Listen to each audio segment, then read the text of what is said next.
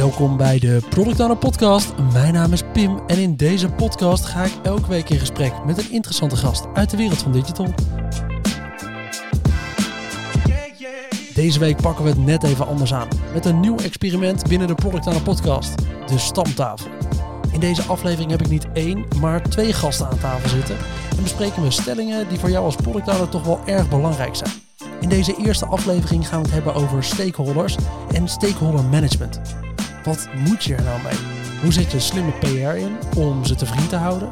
En hoe zit het eigenlijk met die interne en soms externe stakeholders? Aan mijn zijde vandaag Jochem, oprichter van productowner.nl, die zelf ook jaren als PO werkte. En Jordi, een zeer ervaren collega die je eerder als hoorde in aflevering 40, toen hij nog niet bij ons werkte. Leuk om hier met z'n drieën te zitten, mannen. Ja, leuk. Leuk, leuk. Een experimentje moet je zelf af en toe gewoon draaien. Hè? Uiteindelijk hoort dat gewoon bij. Als je een product hebt, ja, moet je toch maar eens een keertje de test gaan doen om iets anders te doen. Ondertussen 60 afleveringen gedaan waarbij ik eigenlijk één iemand te gast had. Ja, is dit dan het moment dat we twee mensen te gast hebben? Ik ben benieuwd hoe jullie het vinden vandaag. Ik ook. Ook leuk dat jij jouw uh, spam of control gaat verdubbelen. Zo uh, is leuk. dus bij aflevering 120 gaan we dan naar vier man, begrijp ik. Of Ja. naar vijf dus. Ja, misschien volgende week al wel. Eh, Er zijn allemaal opties eh, met dat soort dingen. Hé mannen, ondertussen weten we wel dat eh, stakeholders essentieel zijn, maar je hebt er niet altijd zin in. Wat doe je met stakeholders als je er alweer geen zin in hebt? Geen zin om met stakeholders samen te zitten of bepaalde stakeholders waar je niet meer kunt vinden. Ik denk Nee. dat daar natuurlijk al wel een groot verschil in zit. Ja, Ja. kijk, je kan natuurlijk met sommige mensen beter dan met anderen, maar geen zin hebben om je stakeholders te managen is als, ja, dan blijf lekker thuis of zo, toch? Heb je nodig, hè? heb je Ja. ze nodig? Ja. Wat is de kern van een stakeholder?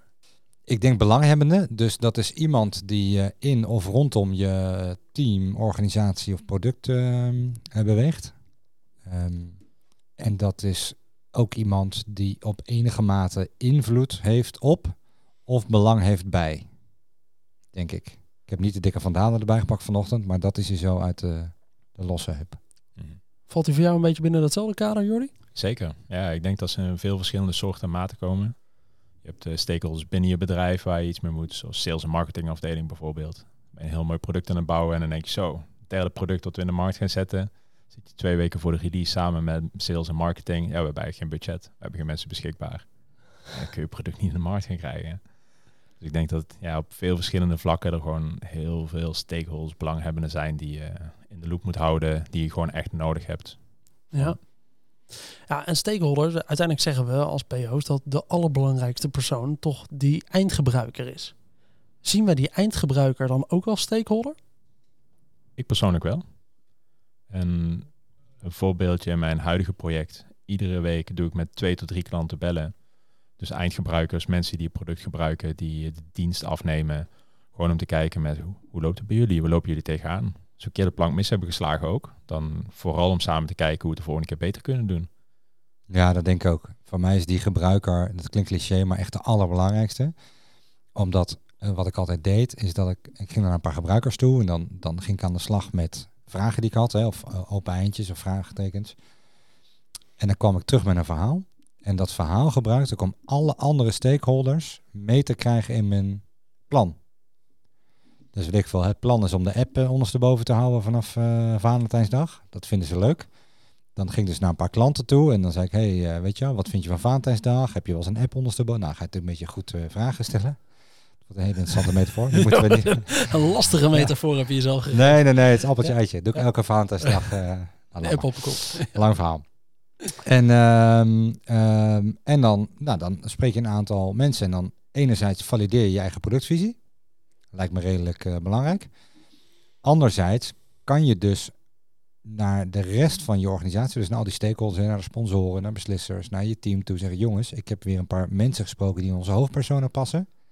Hij moet echt ondersteboven en we scoren helemaal punten als we dat voor Valentijnsdag doen. Ja, maar eigenlijk zeg je daar dus mee, dus een gebruiker, een eindgebruiker is een hele belangrijke stakeholder. Maar ik gebruik eigenlijk het verhaal van de ene stakeholder om de andere stakeholder te overtuigen. Kunnen we dan onderscheid maken in wat voor verschillende soorten stakeholders er zijn? Of is er maar één soort stakeholder? Nou, Jor, ik ben benieuwd hoe jij dat ziet, maar volgens mij zijn er heel veel verschillende soorten stakeholders.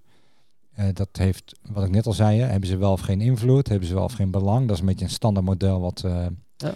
eh, Tony, eh, vriend van de show, ook eh, altijd gebruikt. Hè. Die maakt zo'n matrix, heeft hij hier wel eens verteld, denk ik. Ja.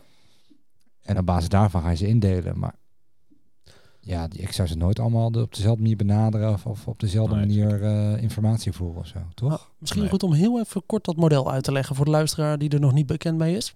Oh ja, dus je pakt een eh, A4'tje, daar zet je een kruis op, dus je hebt dan vier vlakken. En dan heb je eh, b- eh, horizontaal zet je wel of geen invloed. En verticaal zet je wel of geen belang. Ja. Dus invloed op het product en de, en het, en de roadmap en de, de- alles erop en eraan. En budget of zo, weet ik veel. Op een of andere manier invloed en op een of andere manier belang. Dan krijg je dus een hokje met veel belang, veel invloed. Weinig belang, weinig invloed. Veel belang, geen invloed en andersom. Ja. En ehm, ja, elke groep heeft zijn andere benadering. Dus eh, bijvoorbeeld eh, belang, maar geen invloed. Die ga je informeren. Ja. Geen invloed, geen belang, ga je negeren. Eh, wel invloed, maar geen belang. Ja, die moet je een beetje in de gaten houden. Want stel dat iemand opeens wel belang krijgt, dan kan die zomaar iets dwarsbomen. Of iemand die invloed heeft en een zak geld, daar kan je kijken, hey, kan ik jou niet een soort van belang op je mouw spelden? Ja. Doe maar een zakje geld, krijg je van mij belang. Eh, en, en de mensen die en belang en invloed hebben, ja, dat lijkt mij de mensen.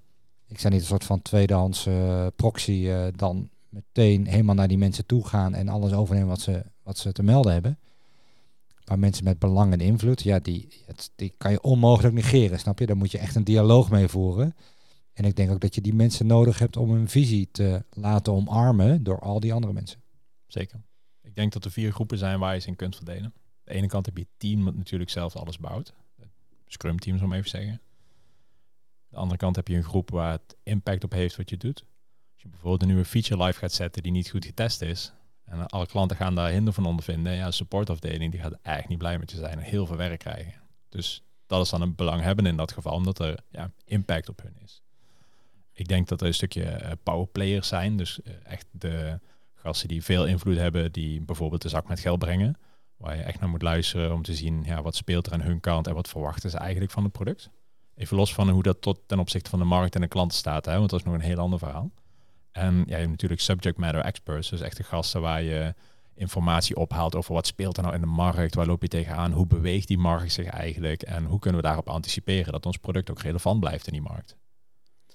Maak jij aan de hand van deze vier groepen dan ook een soort stakeholder map? ik ga zeker kijken naar wie invloed heeft en wie, eh, wie belanghebbend is. Denk wat Jochem ook zegt, heel belangrijk is als mensen nu geen invloed hebben of niet belanghebbend zijn, maar ze zouden om wat voor reden ook promoveren en opeens ontzettend belanghebbend worden. En je hebt ze al die tijd genegeerd en gedacht, gas, ik ga op je e-mail niet reageren, ik neem je telefoontje niet op. En opeens is het iemand die het belangrijkste stakeholder is geworden in je project. Ja, dan heb je wel een uitdaging. Ja, daarmee, daarmee creëer je altijd een lastige casus. Ik denk sowieso, als je het type bent, ik negeer je telefoontjes, ik beantwoord je e-mailtjes nooit. Dan zit je als PO gewoon ook echt in een verkeerde rol. Mee. Nou, dan ben je gewoon een pannenkoek. Rot op. Dat heeft niks dan- met PO te maken. Dan ben je gewoon een pannenkoek, toch? Je Ja, wordt gewoon in, een beetje welke normaal. rol je ook zit. Ja, tuurlijk. eens. Je moet gewoon een beetje normaal met elkaar omgaan. Ja. Ik hoop dat je allemaal een soort van hetzelfde shirtje aan hebt als je in een organisatie werkt. En ja, Ja, op, een, op een stukje basistransparantie zou je iemand na twee keer bellen en je hebt echt geen zin in hem, gewoon moeten vertellen waarom je geen zin in hem hebt en waarom het niet relevant is om op dat moment te bellen. Dat kun je prima doen. begin eens met het stellen van een vraag. Joh, wat kan ik voor je doen? Of wat heb je nodig? Of nou, de iets nettere variant van waarom bel je me eigenlijk? ja, maar begin eens met het stellen van een vraag. Ja. Toch? Dus nou, als we nu eventjes eh, in de basis, hè, dat stakeholders en stakeholder management eh, voor een product owner. Hoe belangrijk is dat? Hoe belangrijk binnen dat, die job is het nou om goed stakeholder management te doen? Ik denk dat als je binnenkomt als product owner, dus je begint aan een nieuw product of je komt binnen op een reeds lopend product, je bent in ieder geval nieuw voor het product en voor de organisatie. Dat het heel belangrijk is om met heel veel mensen koffie te drinken. Te kijken naar wat doen jullie eigenlijk, wat speelt er, waar raken we elkaar, waar niet, welke problemen ervaar je en wat krijg je echt niet opgelost. Zodat je een beetje een beeld hebt van ja, hoe zit het landschap binnen een bedrijf en binnen dat product in elkaar.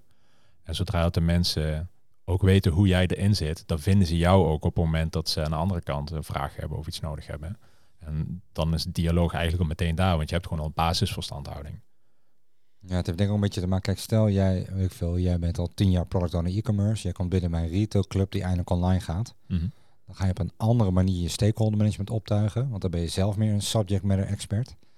Dan wanneer je als rookie of the year binnenkomt in een bestaand product. Of, dus ik denk ook dat je eigen relatie tot het product, tot de organisatie, dus je eigen rugzak, eh, doet ook wel iets in ehm, hoe je hem opstart. Neem niet weg dat het volgens mij zo belangrijk is. En nou, die onderzoeken hè, hebben ze wel eens vaker eh, besproken hier. Het staat in elk onderzoek altijd op één. Stakeholder management. Ja. We vinden het heel belangrijk en we vinden het heel moeilijk. Wat vinden mensen zo moeilijk? Wat is de meest... Wat is de- het vaakst het probleem met mensen als je ze spreekt en ze hebben het over... Ik vind stakeholder management eigenlijk best wel moeilijk. Ja, mijn afdronk daarop. Dus dat, dat zit meer een kwalitatief stuk. Hè. Dus we hebben hier regelmatig PO's aan de lunchtafel eh, die uit alle hoeken en gaten komen. En dan hebben we gesprekjes mee en over. Eh, of gesprekjes mee over allerlei onderwerpen. En mijn eh, afdronk ervan is ehm, dat ze niet zo goed weten hoe ze een stakeholder mee kunnen krijgen. En bij de een zat het in, hoe krijg ik in godsnaam aandacht?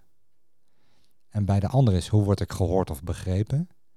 En bij de volgende weer, die heeft een afwijkende visie, drukt dat door, maar ik kom er maar niet achter waar dat vandaan komt. En het zijn allemaal variaties op, ja, hoe, hoe leggen we nou een echte connectie met elkaar? Hoe zorg je nou dat je als twee volwassen mensen gesprekken met elkaar... Kijk, Jordi en ik doen iets met elkaar, waardoor wij gewoon... Jordi en ik hebben vanmiddag een broodje gegeten of salade. Wij hoeven daar geen moeite voor te doen om met elkaar te synchroniseren en openheid te hebben over zaken en samen een plannetje bedenken over het een of het ander. Maar het gebeurt heel veel in bedrijven dat mensen elkaar echt niet weten te eh, raken. Dat ze, elkaar niet, dat ze niet connecten met elkaar. Ja, dat is denk ik een heel groot probleem. Moet je connecten met je stakeholders om ze te kunnen begrijpen?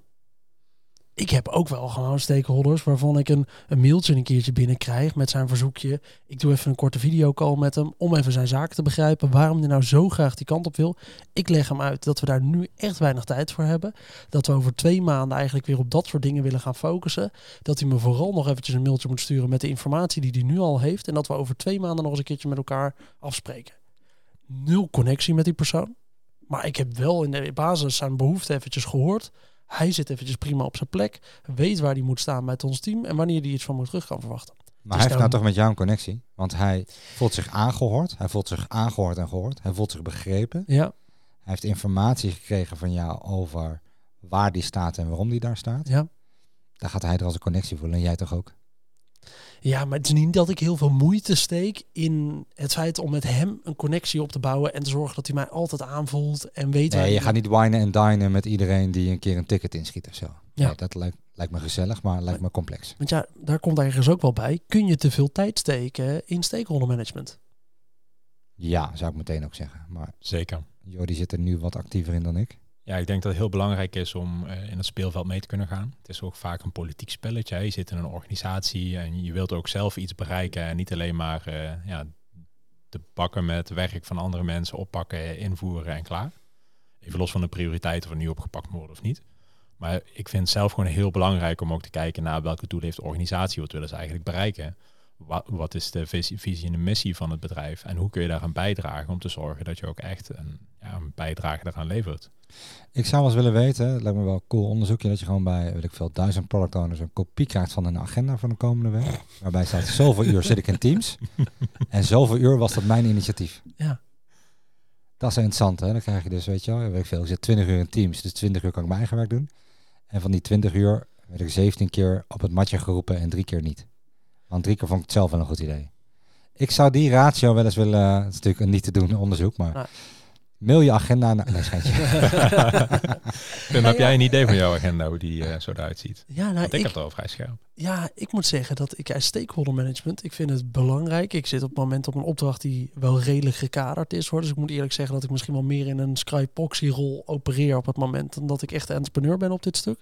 Eh, ik heb wel invloed op wat we doen en ik heb wel ergens mijn mandaat zitten. Maar het is niet dat ik zelf helemaal bedenk welke kant we op gaan, omdat ik onderdeel ben van een grotere strategie op dat onderdeel. Dat betekent dat ik ook niet per se heel veel tijd per week besteed aan stakeholder management. Af en toe wel eens denk, zou ik er meer tijd in moeten steken? Terwijl, voor mijn gevoel, weet iedereen me te vinden als er wel iets aan de hand is. Weet ik iedereen ook te bereiken als er wel iets aan de hand is. Nemen ze altijd de telefoon voor me op. En heb ik ook een goede connectie op zich met ze als het nodig is. En dat is ook omdat ik best wel kritisch ben op agenda-uitnodigingen. Ik kreeg er van de week nog eentje op eh, of ik om eh, half tien eh, ergens eventjes met hem kon meeten om daar en daar over te hebben. Een half uur voor je mijn agenda geschoten. Hij had eerder al een mailtje gestuurd. Die had ik nog, die had ik even kort beantwoord, maar Daar had hij nog een vervolg op gestuurd. En dacht ik, ja, die moet ik even een keertje doen. Maar ja, het is gewoon niet heel relevant nu. Oké, even dat mailtje beantwoord, uitgelegd wat, wat de zaak is. Dat hij waarschijnlijk iets verkeerd had begrepen uit die review. Dat dit en dit wel het geval was. En dat ik niet denk dat we daar nu een meeting over zouden moeten hebben. Maar als het wel nodig is, laat het me vooral weten. Ja, zo probeer ik ook wel dingen gewoon constant weg te kaatsen uit mijn agenda. Ja, maar ook, je, daar ben je dus wel tijd aan kwijt. Want Tuurlijk. dat mailtje beantwoordt zichzelf niet. Ja. Ja, maar voor mij, ik vind het heel veel. Ik heb gewoon eigenlijk een hekel aan te veel meetings in mijn agenda zetten. Zeker als ik het gevoel heb dat ze net niet belangrijk zijn. Dan schiet ik ze, als ik ze zelf inschiet, schiet ik zo'n me- meeting ook gewoon op een kwartiertje in. Omdat ik gewoon denk, nou laten we dat even in een kwartiertje er doorheen knallen. Maar zou het niet zo zijn dat elke meeting voor iemand heel belangrijk is? Of is dat eh, makkelijk Nou, ik denk dat je daar wel in vergist. Ik denk dat er heel veel meetings zijn in deze wereld die voor niemand echt heel belangrijk zijn. Alleen toevallig op herhalen stonden, waardoor iedereen elke week weer komt opdagen. Ik heb daar wel twee trucjes in. Maar dan ga ik mijn eigen ruit ook een beetje ingooien voor mensen die dit gaan horen. Ja, maar ik wil even één stap terug. Denk Ja. jij dat er veel dingen in die agenda staan die niemand iets boeien? Zeker. Ja? Holy shit. Ja. Ik wil er wel op doorgaan, Jochem. Graag. Ehm, aan de ene kant, ja, ik zit met regelmaat meer dan een uur enkele reis in de auto. En ik probeer ook heel veel in die auto te plannen qua belletjes, waarvan ik gewoon weet dat het een kwestie is van aanhoren, even sparren, maar inhoudelijk dat ik niks hoef uit te werken, hoef te laten zien of op te volgen. Dus ik ben er ook wel heel selectief in van wat voor meeting wil je hebben en kan ik die bijvoorbeeld in de auto doen. Ehm, standaard updates waar ik onderdeel van een project ben waar ik eigenlijk ja, inhoudelijk niet veel heb, vind ik wel belangrijk om erbij te zijn om te laten zien dat ik het project belangrijk vind. Maar dan hoef ik zelf eigenlijk geen inhoudelijk actief iets te delen. Dus dat doe ik prima in de auto. Aan de andere kant heb ik in mijn mailbox heb ik een gewoon standaard e-mail handtekening in Outlook zitten. Maar ik heb er ook eentje waar met dichtgedrukte letters in het midden staat dat ik eh verzond vanaf mobiel. En dat doe ik gewoon vanaf mijn laptop. En dan kun je... ja, nou, ik komt de Dit truc. is een bekende truc. Ja, Ja, die, die Ik denk, ik mailtjes... denk dat jij straks 10 euro krijgt van Jordi om dit eruit te knippen. maar die mailtjes die stuur ik heel vaak vanaf mijn laptop. En dan kun je korter zijn. Je kunt mensen zeggen, hier kun je het antwoord vinden of kun je hiermee vooruit. En ze accepteren het dan omdat je de tijd voor ze neemt om een mailtje te sturen. Wat korter is dan als ze eigenlijk formeel zouden verwachten. Maar het geeft wel antwoord op hun vraag. En jij bent er vanaf. Zonder dat het ontzettend veel tijd kost. Maar waarom stuur je niet altijd korte mails? Of is dat heel Hij is niet geaccepteerd. Het is in veel gevallen voelt iemand zich niet gehoord. Als je een mailtje stuurt met een paar vragen en je komt terug met het korte antwoord. Oh, eigenlijk moet je even hier zoeken. Dankjewel, fijne dag.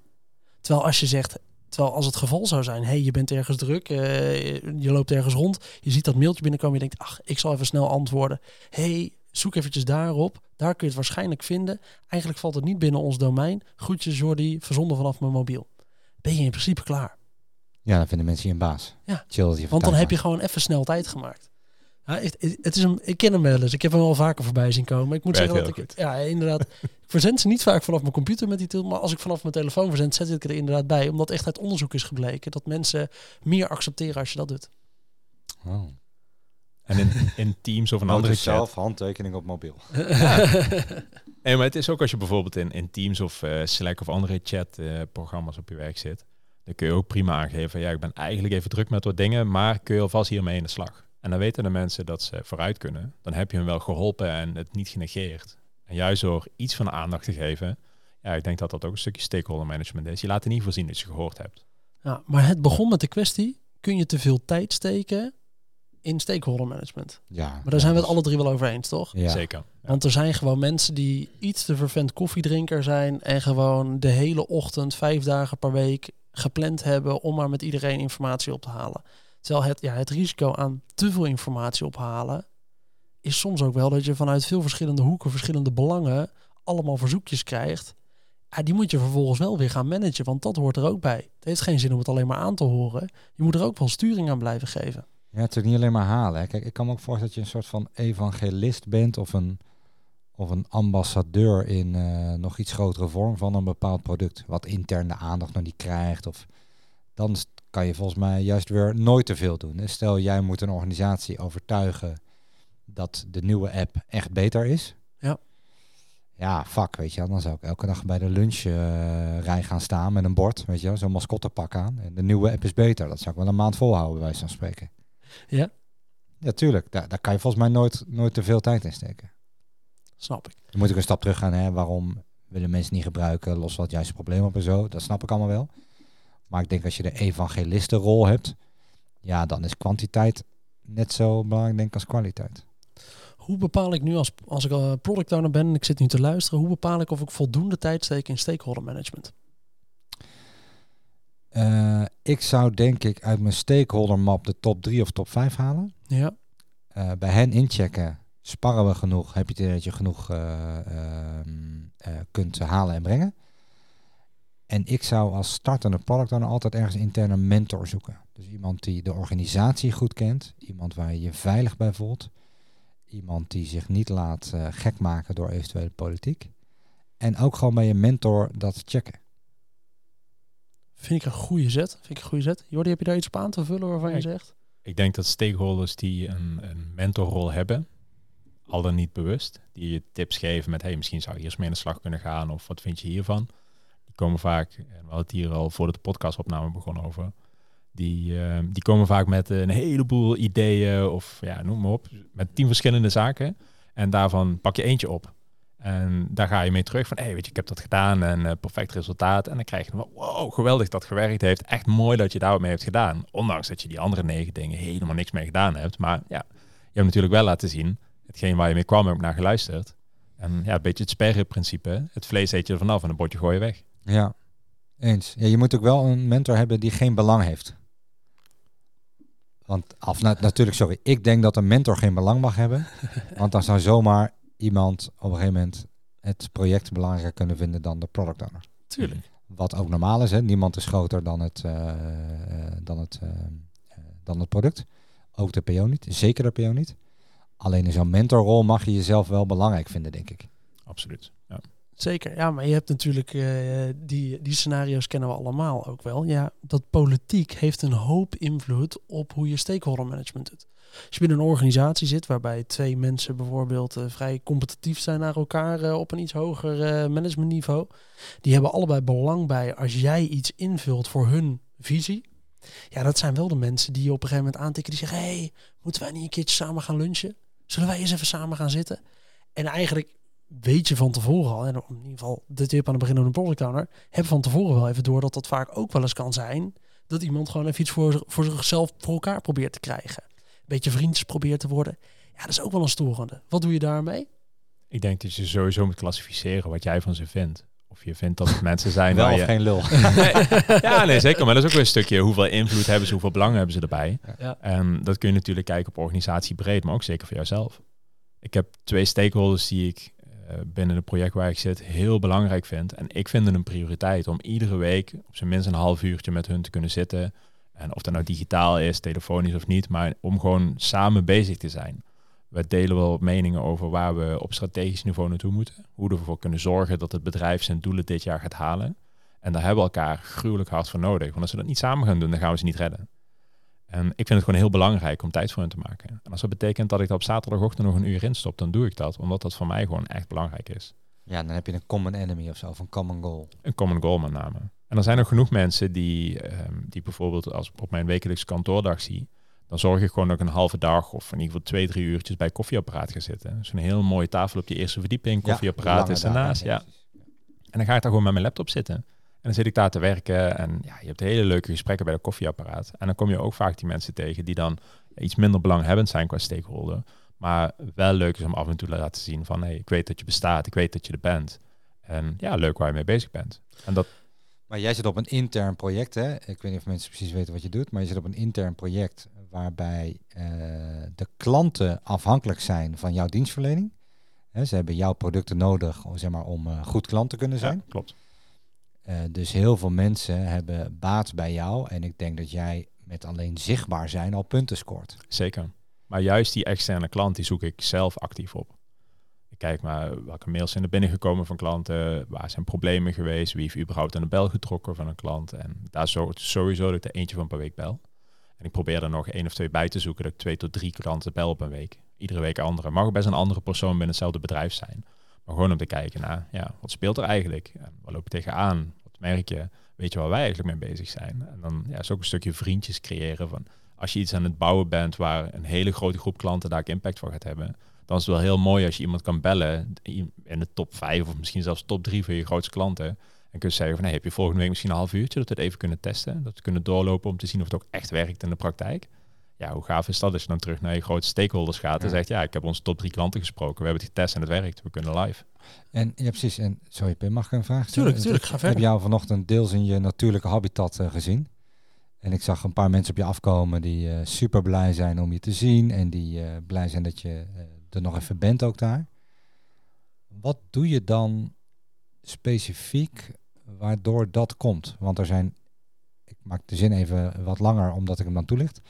We hebben ook collega's die ja, opereren een soort van in de schaduw en die, die doen het ook heel goed. Mhm. Maar ja, bij jou gaat bijna de rode loper uit. Uh. Ook niet bij iedereen hoor. nee, dat snap ik. Ja, ik denk dat het heel belangrijk is om uh, te kijken. Wat, wat, ik net ook zei, hè, in de eerste meeting probeer ik altijd te achterhalen van ja, waar ben je mee bezig? Wat doet nou echt pijn? En kunnen we dat misschien samen oplossen? En dat is voor mij op basis van die intakes, ik, ja, het is eigenlijk gewoon intake klantgesprekken die ik met stakeholders doe, met mensen waarvan ik denk dat ze belangrijk zijn. Daar kijk ik ook van wat is nou de top drie of top vijf wat daar uitkomt. En als daar een gemene deler in zit, ja, we hebben zo eentje, hè, wat nu ook op de top 5 uh, eh, focus staat binnen het bedrijf, dan ga ik er ook mee kijken, wat kan ik ermee doen? En ja, je hebt een paar mensen vandaag gezien in Jochem en bij twee van die kom ik ja, eens op de twee weken in de lucht, op zijn minst. En ik deel ook mijn pijn met hun. En hun hebben er ook belang bij dat ik slaag, uh, direct zelfs. En juist om met hun samen te zitten en te kijken met, hey, hoe gaat het nou eigenlijk in jouw vlak en hoe gaat het in mijn vlak? Waar kruisen we elkaar en welke bruggen moeten we absoluut bouwen of wat hoeven we absoluut niet moeten doen. En hun hebben ook belang daarbij om te weten hoe het aan mijn kant gaat. En als ik toch gewoon open en transparant in ben. Ik heb daar oprecht al problemen waarvan ik dacht van ja, ik weet niet wie ik hiervoor moet hebben, hoe ik dat moet gaan oplossen. Daar hebben we een aantal mensen over gesproken, wat toevallig zo'n gesprek ter sprake kwam. En die zeiden van ja, dit kunnen we samen oplossen, laten we ervoor gaan zitten. Ik ben er niet voor verantwoordelijk, maar we kunnen het wel met z'n tweeën, laten we het doen.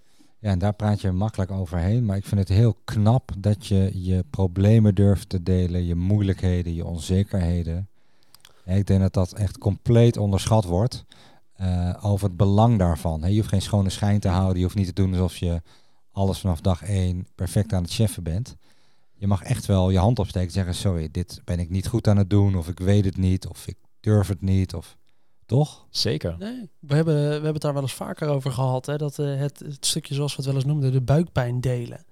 Uh, ik heb een hele lange tijd bij een opdracht waar ik zat, eigenlijk wekelijks een e-mail gestuurd. Dat ging aan de ene kant ging dat er dan over wat er, uh, wat er nog moest gebeuren, wat er nog open stond. Maar ik sloot die e-mail standaard af met dit is mijn buikpijn. En door elke keer weer even te delen met iedereen wat jouw buikpijn is, zorg je ervoor dat dat ook de buikpijn van, het groep, van de groep zelf wordt. Maar zorg je ook inderdaad dat je je af en toe even kwetsbaar durft op te stellen met, ja jongens, het is heel leuk, heel cool dat jullie al die kant op willen, maar we lopen echt rond met deze buikpijn. Als ik ochtends naar mijn werk toe ga, ja, voel ik eigenlijk gewoon dat we, we hebben die release gepland. En als ik nou even kijk naar waar we op dit moment staan, gaan we die release niet halen.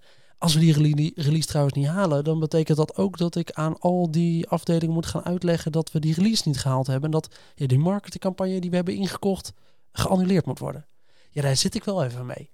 En ja, door dat actief te delen, creëer je een hele andere band met je stakeholders dan inderdaad wanneer je alleen maar informatie komt halen um, en nooit iets van jezelf deelt. Edward doet het ook, hè? Edward doet het nog steeds naar aanleiding van je tip. Dus ik krijg elke week van Edward dat mailtje, terwijl ik snap het hele project niet. Sorry Edward.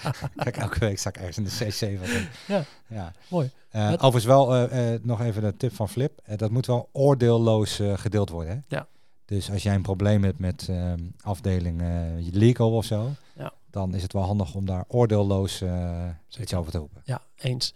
En je zei net iets over uh, koffieapparaat, Jordi. En ja, dat deed me ergens aan denken. Dat is namelijk dat ja, stakeholder management misschien in de afgelopen jaren wel wat veranderd is. Waar je eerst altijd op je bureau uh, of achter je bureau zat, soms ook op je bureau, konden mensen je daar makkelijk aanspreken. Zat je daar ook aanspreekbaar? Ja, nu zit je thuis te werken in veel gevallen. Dat maakt stakeholder management wel anders. Zien jullie dat ook zo of valt het wel mee? Nou, ik denk dat landschap zeker veranderd is. Ja. Ook qua locatie waar je werkt. Uh, kijk bijvoorbeeld naar bedrijven die meerdere locaties hebben. Daar zag je elkaar niet altijd fysiek. Ja. Ik denk dat met alles qua internationaal uh, wat er gaande is, qua waar ontwikkelaars zitten in het buitenland, stakeholders die in meerdere landen zitten. Ja, mijn vorig project zat over de hele wereld en ik had een team in vier verschillende tijdzones. Nou, dat was überhaupt binnen het team al een uitdaging. Ja.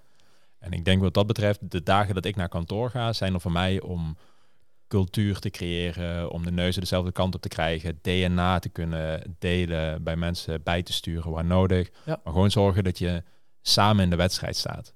En als ik productief wil zijn qua veel stukken schrijven, veel user stories maken of eh, plannen uitdenken, ja, dat ga je niet op kantoor doen. Nee. Ik ga echt naar kantoor voor die mensen. En ik zit meestal ook de hele dag alleen maar in meetings. Of bewust ruimtes, eh, tijden eh, blokken dat ik gewoon aan een koffietafel zit om gewoon met mensen te praten. Ja. Om te zorgen dat ze weten dat ik bereikbaar ben. En vaak in zo'n publieke setting wordt ook niet alles gedeeld. Maar dan weten de mensen wel, hey, ik moet binnenkort even met Jordi gaan zitten of met Pim of Jochem. En dan kunnen we dan wat verder de diepgang ingaan. Maar dan la- laat je wel zien, de deur staat altijd open. En ja, het is ook een stukje, ja, we hadden het erover, PR hè. Je, je laat toch zien dat je er bent. De mensen weten dat ze naar je toe kunnen komen met vragen. En Ja. alleen dat is al belangrijk naar mijn mening. Hm, snap ik wel. Jochem, heb jij hier een eh, mening over? Ik zie je een beetje pijnzen en nadenken. Ja, ik, wilde, ik zat een beetje semi-filosofisch erover na te denken. Eh, ik denk namelijk dat we van andere mensen hetzelfde verwachten als vroeger. Ja. Maar zelf niet meer hetzelfde willen zijn als vroeger. Ja.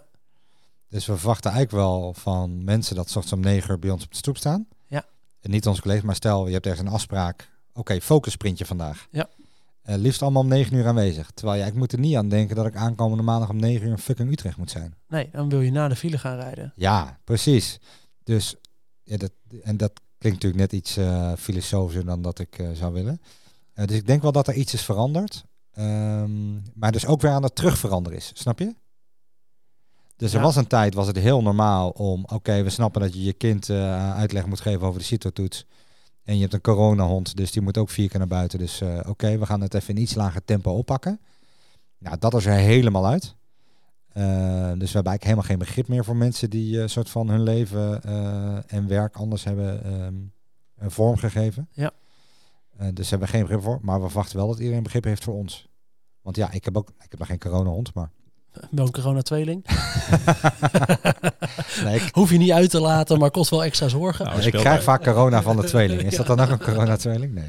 Ah.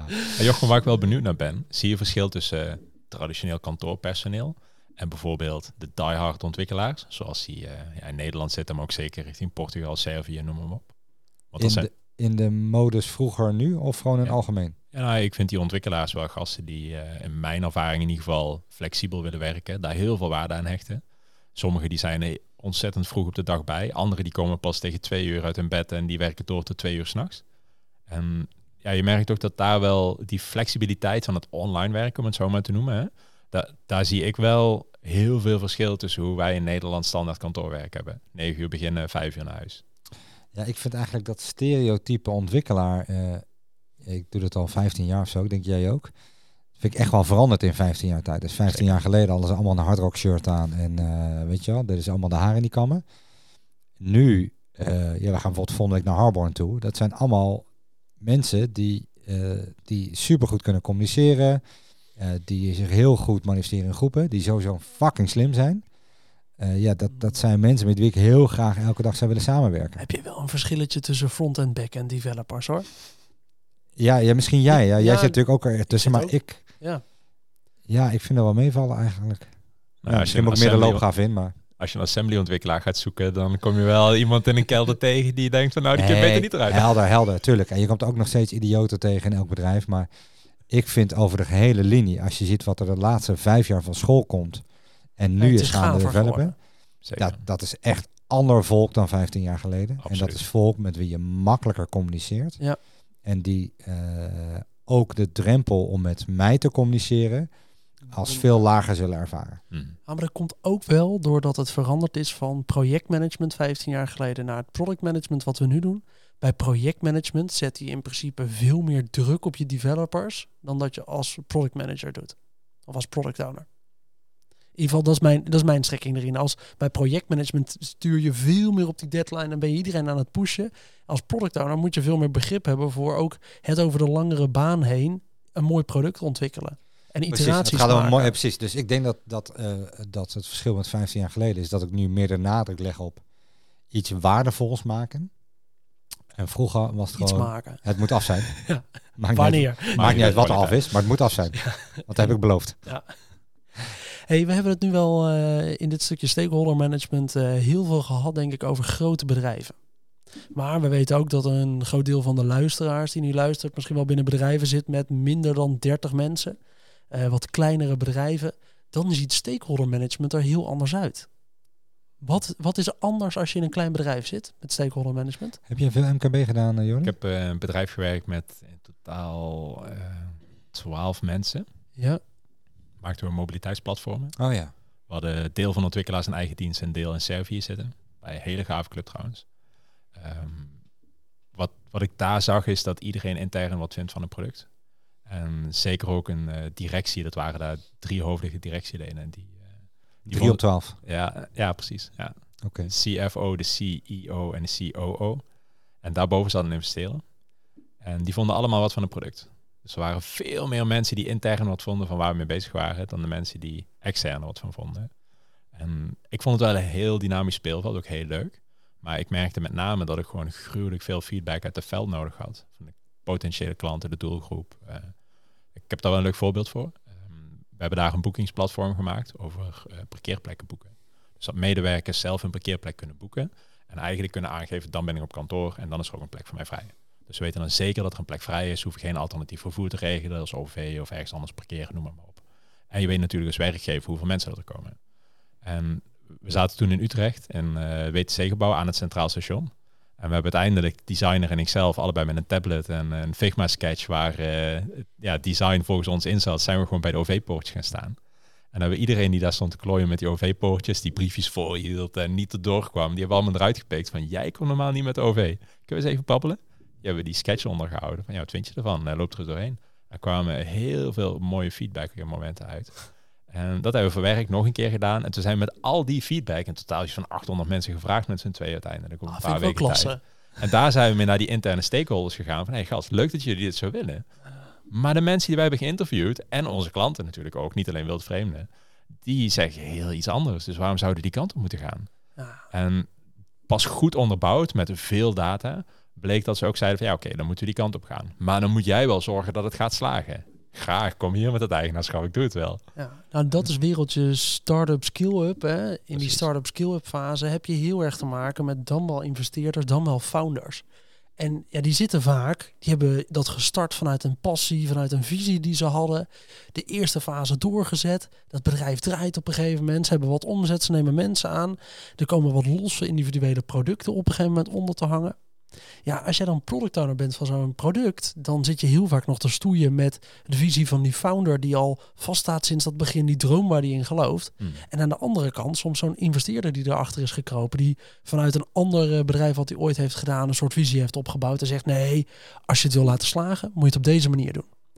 Ja, en dat schuurt. Dat is wel lastig. Dan heb je een heel ander stakeholderveld. En dan moet je inderdaad dit soort acties gaan uithalen. Waarvoor echt eh, hulde. Want ja, dat is wel de way to go om gewoon klantinformatie op te halen als je het echt mist. Ja, dan moet je dat soort trucjes gaan uithalen om echt te bewijzen. Nee, maar de klant vraagt iets anders. En als we klantgericht een product willen ontwikkelen, moeten we niet op deze manier die visie alleen maar blijven volgen. Bij mijn voorbeeld was het product natuurlijk nog niet gebouwd. Waren Ja. we nog aan het voorbereiden om te gaan bouwen. Ja. Ehm, het is er uiteindelijk gekomen en ja, dan merk je als het product er is en het is live en in gebruik, dan ga je zeker in die kleinere settings, eh, ga je discussiëren over welke feature moeten we nou eigenlijk gaan bouwen. Hoeveel tijd kost dat? Hoeveel geld kost dat? En hebben we dat geld ervoor over om dit nu te bouwen of moeten we misschien iets anders focussen? Dus je merkt dat je daar een veel beperkter budget hebt, waardoor je ook minder flexibiliteit hebt qua waar ga je werken en wat doet direct waarde toevoegen aan het product. En daarmee ook ja, maak je hele andere beslissingen als product owner qua roadmap. Om te zorgen dat je ook dingen op de roadmap hebt staan in de nabije toekomst waar je budget voor hebt. En die ook echt iets voor die klant teweeg gaan brengen. Met als eindresultaat meer inkomsten voor het bedrijf. Ik vind stakeholder manage- management in het MKB heel anders dan in corporate. Ja. Absoluut. Ik vind, kijk, het voorbeeld wat Jordi schetste. hè. Kijk, data wins arguments is volgens mij in alle bedrijfstypen eh, gelijk. Eh, lijkt mij. Dus als, ehm, eh, als jij 800 respondenten hebt en die zeggen allemaal links in plaats van rechts. Ja, dan moet ik wel echt een klaploper zijn, eh, wil je daar niet in meegaan. Dan maakt het niet uit waar je werkt. Ik vind het feit dat jij en een collega zo hup, even naar Utrecht Centraal gaan een dagje. Dat kan niet zo makkelijk in een corporate. Nee. Daar moet je echt voor gaan lobbyen en dan moet je toestemming hebben. En, ja. want je doet misschien wel een van de zaak. Nou, daar vindt iemand dan wel weer wat van en zo. Dus, dus ik denk, eh, om dat dan even wat abstracter te stellen. eh, de lijnen zijn korter in het MKB. En je plukt eerder de, of je, je, je proeft eerder de resultaten van je inspanningen op stakeholder management. Zeker. Dus, dus de lijnen zijn korter, meer resultaat of sneller resultaat. Ehm, daarnaast denk ik dat die founder of investeerder. Ik eh, snap een beetje hoe die mannen zich voelen en vrouwen. ik weet niet waarom, maar ik, ik heb er misschien een bad gevoel bij. Ja. Het is belangrijk dat je die te alle tijden aan boord hebt. Ja, als je ze tegen je hebt, ben je klaar. Zeker in het MKB. Ja, want kijk, wij hebben hele kunnige collega's, maar als ik het echt anders zie, dan vind zelfs ik, nou, ik denk dat ik best goed ben in eh, mensen vrijheid geven, maar dan vind ik het echt moeilijk om los te laten. Ja. En dan bij het minste of geringste heb ik toch een soort van, told je zo. Snap je? Dat, dat, ja, dat, dus ik Wordt een denk, soort strijd. nou ja, het wordt in ieder geval, ik vind het moeilijk om te omarmen. Ja. En dus moeilijk om te zeggen, oké, gaan we de pinpas ophalen en uh, ga het maar regelen. Dus je krijgt moeilijker, ehm, eh, als je niet overeenstemt qua visie, wordt mandaat moeilijker, budget wat moeilijker. En dat kost dus meer tijd om dan het alsnog over de streep heen te krijgen. Hey, voordat we verder gaan met nog wat meer van dit soort stellingen rond stakeholder management, ehm, zou ik eigenlijk eerst eventjes nog toe willen naar de basis wat we nu mensen willen meegeven. Want het is lekker, denk ik, als je deze aflevering zit te luisteren, dat je ook een stukje iets praktischer uitkrijgt. Als het nou gaat om stakeholder management oppakken, je hebt het gevoel dat je een beetje achterloopt, dan zijn we eigenlijk al door een paar dingen zijn we nu heen gegaan. Jij zei, ik start altijd met een intake.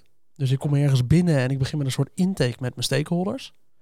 Daarna hebben we het gehad over, je gaat iets van een stakeholder map maken. Dus je gaat eigenlijk uittekenen waar die stakeholders zich nou bevinden.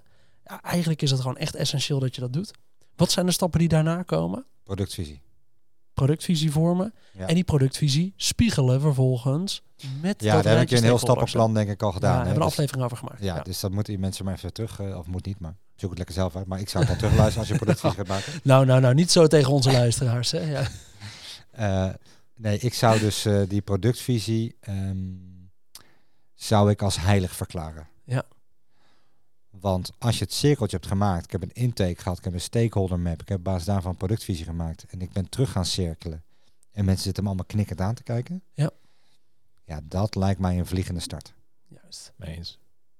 Ja, mooi. Ik denk dat dat lekker is voor de luisteraar om eventjes, als je nu twijfelt, waar moet ik nou eens beginnen? Ga gewoon eens eerst even deze drie stappen maken en ga met die laatste twee stappen dus ook vooral eh, eens even door. Hè? Als je nou inzicht hebt in welke mensen je nou nodig hebt en je hebt ondertussen een soort productvisie gepakt, blijf dat cirkeltje ook vooral maken om die visie ook wat aan te passen op wat je terugkrijgt en daarmee door te gaan. Ja, en we moeten denk ik dan toch even voor de mensen die nieuw inhaken. Een Ja. productvisie is kort samengevat, wat los je op voor wie? Ja, Dus dan heb je namelijk, om, ik- om even die vliegende starter toe te lichten, eh, als we het dan toch praktisch moeten houden, willen houden. Als jij weet welk probleem je voor wie op wil lossen, dan kan je daar oplossingen voor gaan genereren. Ja. En dat zou zomaar eens het begin kunnen zijn van een roadmap of een backlog of een kanbanlijst of whatever, snap je? En dan kan je dus de vliegende start gaan maken. Want dan weet je ook, oh ja, we gaan ongeveer deze kant op. Dat betekent dat we deze mensen nodig hebben. En je cross-functionele team. Snap je? Dat maakt die vliegende start. En van daaruit kan je dan gaan Ja. bouwen en itereren. Ja, in het interview van die stakeholders krijg je eigenlijk de point of view van die stakeholder voor het probleem of ja, hetgeen wat je opgelost wil hebben. En juist door het van ieder gezichtsperspectief goed te kunnen zien, kun je ook een juiste productvisie op gaan zetten. Ja, er zitten ook altijd tegenstrijdige dingen in. Hè? Zeker. Dus eh, je moet daar ook, eh, ook daar weer, hè, zoek de belangrijkste stakeholders eruit, zoek een mentor. eh, en zorg dat je daarin gaat wikken en wegen. Sorry, we gaan deze aflevering even opknippen. Ja, je zit waarschijnlijk net lekker in dit verhaal, maar we hebben besloten om deze aflevering te releasen over twee delen heen. De volgende aflevering gaan we dus nog verder in op dat stakeholder management. Gaan we kijken naar hoe je dat praktisch kan toepassen en bespreken we nog veel meer van dit soort stellingen. Zorg dat je volgende keer weer luistert. Tot dan!